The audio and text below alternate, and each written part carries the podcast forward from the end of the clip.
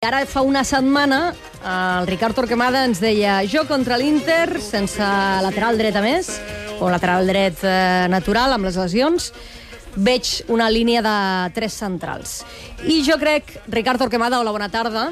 Bona tarda. No sé si has sentit Xavi, però guanya cos aquesta teoria dels tres eh, centrals. Eh, ens vas fer el titular i ens, van dir, i ens vas dir ja us la desenvoluparé, doncs ara t'ha arribat el torn d'explicar-nos per què clarament demà el Barça ha de jugar amb tres centrals. Jo crec que fins i tot sense lesions el Barça també jugaria amb tres centrals. Mm, Xavi ho té clar i ho va fer contra la Real Societat.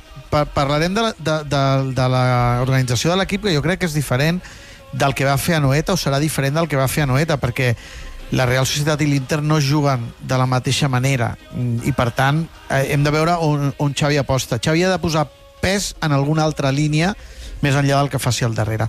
El tema és relativament fàcil. Eh, quan el rival té juga amb dos davanters, pocs equips ara mateix juguen amb dos davanters tan marcats, a Xavi li agrada tenir superioritat numèrica al darrere, eh, tenir 3 contra 2. Perquè si el Mhm. Barça juga amb una línia de 4 només, entre els dos centrals queden aparellats amb els dos davanters i com que l'Inter juga amb dos carrilers, els dos laterals teus s'aparellen amb els dos carrilers. Per tant, et quedes amb un 4 contra 4 que és perillosíssim perquè vol dir que qualsevol duel directe que perdis és una oportunitat de gol. La manera d'evitar això és tenir un defensa més i tenir un 3 contra 2, tenir algú que sempre et pugui presentar cobertures. Eh, és gairebé imprescindible. És a dir, per demà sortir amb una línia de 4 jo crec que és un risc que el Barça no hauria d'assumir. Ja no pel que guanya més endavant, sinó pel que pot perdre a l'hora de defensar. L'equip pot quedar molt replegat, pot quedar repenjat. La, el Barça no és un equip còmode amb duels directes, amb duels individuals, i per tant plantejar-li la idea de, de tenir dos contra dos davanters defenses i dos contra dos laterals eh, teus contra laterals llargs d'ell és, que la, és, és, és d'entrada fer un pas enrere. Per tant, em sembla bastant imprescindible per al desenvolupament de l'equip i del partit i tenir control i dominar és tenir un més eh, al darrere. Falta veure quins, dels, quins seran els tres, eh? Uh -huh. perquè mm, eh, també ho deia, em sembla, el dilluns passat, l'opció Marcos Alonso com un dels tres li dona al Barça una cosa que no té i que Xavi voldria tenir, que és un central esquerrà, eh, per tenir més amplitud en la sortida. Eh, clar, Marcos Alonso l'hem vist tan poc amb Xavi que tampoc no sabem ben bé eh, si per ell és un lateral en línia de 4, ell ha jugat sempre com a carriler i per tant és una funció que entén perfectament si hagués de jugar eh, al, al carril exterior però jo obro la possibilitat que sigui un dels tres centrals tenint en compte els problemes de centrals que, que té el Barça. Uh -huh. eh, per tant, tal com tu dibuixes per al joc de l'Inter, seria més aviat un 3-5-2. M'estic imaginant Sí. que no pas un 3-4-3. Bé, és que després ve, ve el tema, no? Eh, Ara, ara en parlàveu. O sigui, eh, eh, contra la Real Societat, la Real juga amb quatre migcampistes. Eh? Uh -huh. Juga amb quatre migcampistes. Per tant, el Barça estava obligat a Noeta a igualar aquests quatre. Allà van jugar eh, De Jong, Pedri, Gavi, i si us en recordeu va entrar Ferran per uh. -huh. jugar com amb un quadrat, eh? i d'aquests quatre, dos mitcentres, eh? que eren De Jong, Pedri, i per davant jugaven Gavi i, i Ferran però era gairebé obligatori igualar-li a la Real al 4 contra 4, cosa que demà no és obligatori perquè l'Inter juga amb 3 al mig. Per tant, tu amb 3 al mig d'entrada tindries igualtat numèrica, no necessitaries eh, afegir-ne un quart. Si n'afegeixes un quart i tindries superioritat numèrica, que seria l'opció de Sergi Roberto, Mm. hauries de triar aleshores quins jugadors de banda fas servir.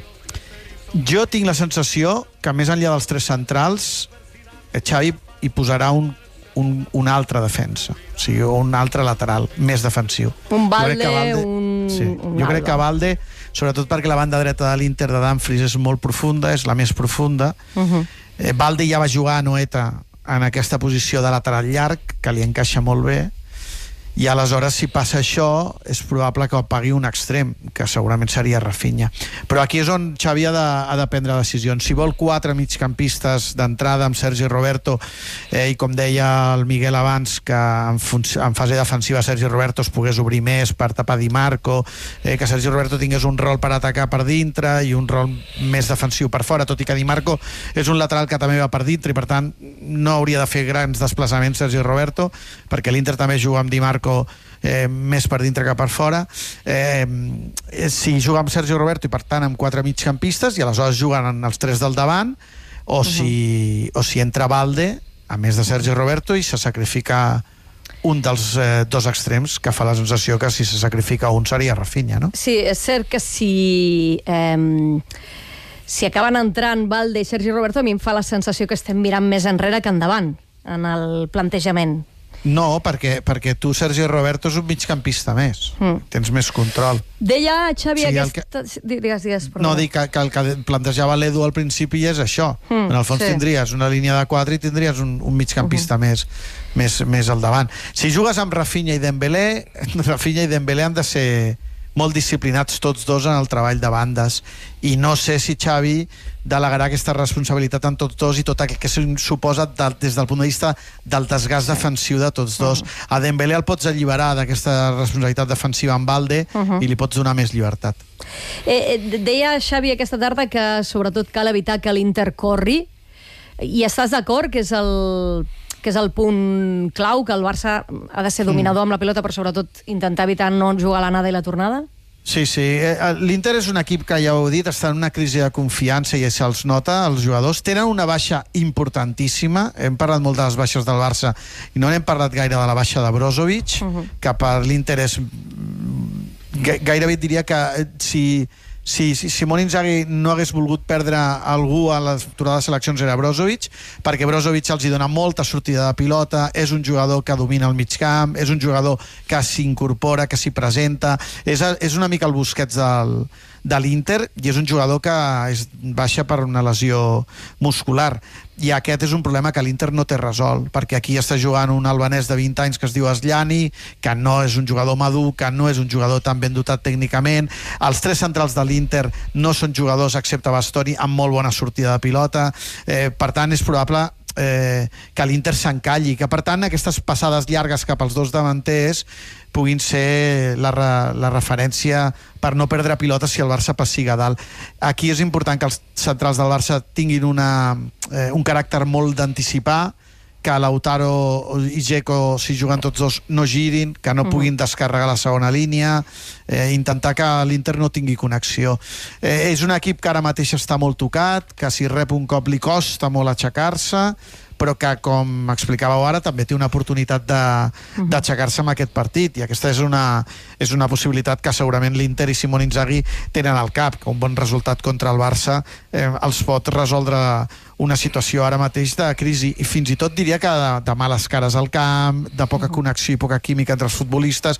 Ja sabem que el futbol canvia en un dia i canvia en un resultat, però sí que és un equip que està tocat i que si el Barça es fa mal partit i, i té el partit en el seu ritme i no en el de l'Inter i el té controlat i com deia Xavi no va a l'anada i tornada eh, a l'Inter li, li costarà molt. Però és molt important guanyar els duels amb els dos davanters d'ells i d'aquí que els tres defenses eh, to, eh, torno a l'inici siguin tan importants. Aquestes passades s'han d'anticipar, s'ha de tenir una cobertura preparada. Lautaro és un jugador capaç de girar i guanyar una acció per tenir avantatge eh, el Barça ha de controlar això, mm -hmm. perquè el trànsit del mig camp de l'Inter serà lent i, i li costarà molt sortir si el Barça pressiona bé. Eh, parles de Lautaro com a possible titular, recordem que Lukaku és baixa, però en el cas de Lautaro hi ha el dubte que pugui eh, arribar, tenint en compte que té problemes eh, musculars. Eh, clar, imaginem que Lautaro no arriba eh, mm. i et fiques en el cap d'Inzaghi, que evidentment deu estar donant les mateixes voltes que Xavi Hernández per intentar tenir eh, bé, l'avantatge cap al seu favor. Eh, T'imagines que ficarà Correa acompanyant Zeco mm. o hi ha una possible sí. alternativa en què només quedi Zeco a dalt? Que aleshores Bé, això hi ha, canviaria, hi ha una possible, clar. Sí, hi ha una possible alternativa, que jugui amb un mitja punta per darrere de Jego, que pugui ser Mkhitaryan, o pugui ser fins i tot Chalhanoglu mm -hmm. i mhm. introduir un migcampista més, eh, per aquesta poca pugui tenir Simón Inzaghi, del que estem debatent avui, clar, de si el Barça clar. juga amb un migcampista més no tenir inferioritat numèrica, i aprofitar eh, això i dir, doncs, tinc Jego de referència, que és un jugador que em baixa moltes pilotes, que m'habilita la segona línia, no cal jugar amb Correa, però aquesta és una decisió que té oberta. Correa és molt ràpid a l'espai, és un jugador que va molt bé a l'esquena de l'última línia, que jo crec que barreja molt bé amb Geco i que, i que per mi seria l'opció prioritària, sobretot perquè és el que l'Inter està acostumat a jugar. Però pot ser que Simone Inzaghi estigui en aquest punt conservador i tingui por a que el Barça tingui molta pilota i tingui un migcampista més, com ha, ha, ha suposat o ha insinuat Xavi a la roda de premsa. Ja sabem que els entrenadors això ho tenen eh, al cap i té molts jugadors que puguin, o té alguns jugadors que poden actuar en aquesta zona entre línies, que com ja he dit, com Mkhitaryan o, o Chalhanoglu, que això els suposaria, li suposaria poder poder reforçar una miqueta més de consistència defensiva al mig camp, tenir-ne quatre... És una possibilitat, no la descarto. Uh -huh. Te'n faig eh, l'última, eh, Ricard, al sorteig. Recordo que el dia que va aparèixer la bola de l'Inter, del Barça, sí. del Bayern de Múnich i del Victoria Pilsen, la, la, la teva sensació en aquell moment és que el Sí. nivell de Barça-Inter eren molt similars. Mm. Clar, des d'aleshores, imagino que t'han canviat les sensacions i... Sí. No? El Sí, Barça sí, ara, ho- ara és favorit per tu, ara. Ho recordo, ho recordo perquè és veritat, Sònia, que, que fins i tot vaig dir que, que l'Inter em semblava un equip més madur perquè feia més temps que jugava de la mateixa manera, amb la mateixa idea. Eh, jo crec que és la pitjor versió, l'actual de l'Inter dels últims anys. O sigui, eh, per una situació de, de falta de confiança, eh, perquè Lukaku ha vingut per ser un jugador eh, importantíssim i el que marca les diferències i no hi és, perquè mm, al darrere a Chervi no és de Vrij, eh, perquè Brozovic no hi és, eh, jo crec que eh, el Barça té una oportunitat de, de marcar les diferències amb l'Inter en aquestes dues setmanes perquè arriba molt millor i perquè, i perquè està en un altre estat mental. L'Inter està en una situació de dubte, mm, després d'haver fet bones temporades i de mirar d'alta i la Lliga mira amunt i, i té rivals eh, a molts punts eh, el, el Bayern el va rebregar a Milà que són aquells cops jo diria que similar al cop que va rebre el Barça la temporada passada en aquell primer partit del Camp Nou contra el Bayern, és aquella sensació de perdre i de dir "Bé, és que són, són, són, estan a un altre nivell i jo crec que li ha quedat un punt de complex a l'Inter. Eh, el que passa falta eh, acabar-los de recordar que estan dubtant eh, perquè si no és evident que, que el Josep Meazza pressiona i que l'Inter és un equip acostumat a competir i pot ser que tingui un bon dia i que li serveixi fins i tot per aixecar el cap. Doncs ja tenim aquí la radiografia del Torquemada respecte a aquest Inter-Barça de demà. A mi, us ho haig d'admetre, m'ha fet canviar la meva loto, Xavi. I, uh, Ricard, jo sé que a tu t'entusiasmaria quedar-te ara amb les dues seccions que venen Home, ara, que una és la Loto home. Xavi, que ets un, Bé, eh, és gran... més, no m'hi quedaré, però, però, però em quedaré escoltant-vos, perquè és una cosa que no m'ho Sí, puc perdre. Sí. I després, a més, ve el debat de Holland, que jo crec que encara t'entusiasma més. Bé, l- l- com que el Bernat ha participat en el, en el procés creatiu, ja hem tingut una conversa, vull dir que ja, ja n'hem parlat. Sí, sí. Ja, ja n'he canviat, ja n'he parlat. Però- però com està la imagino que has votat, això? Que has, no, això li preguntarem a la mare de la Sònia. Però jo no... pregunta-li ja, perquè estic amb una mica amb, amb ganes de saber sobretot aquest supòsit de, de, de, de no tenir en compte l'edat.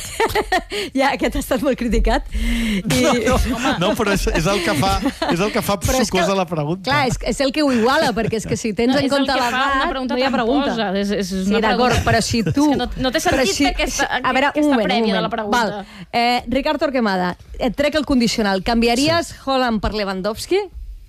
Sí, Sense l'edat. Sense sí, l'edat. canviaria, sí. sí, sí. d'acord. Miguel? Canviaries Holland per Lewandowski? Em nego a contestar un impossible.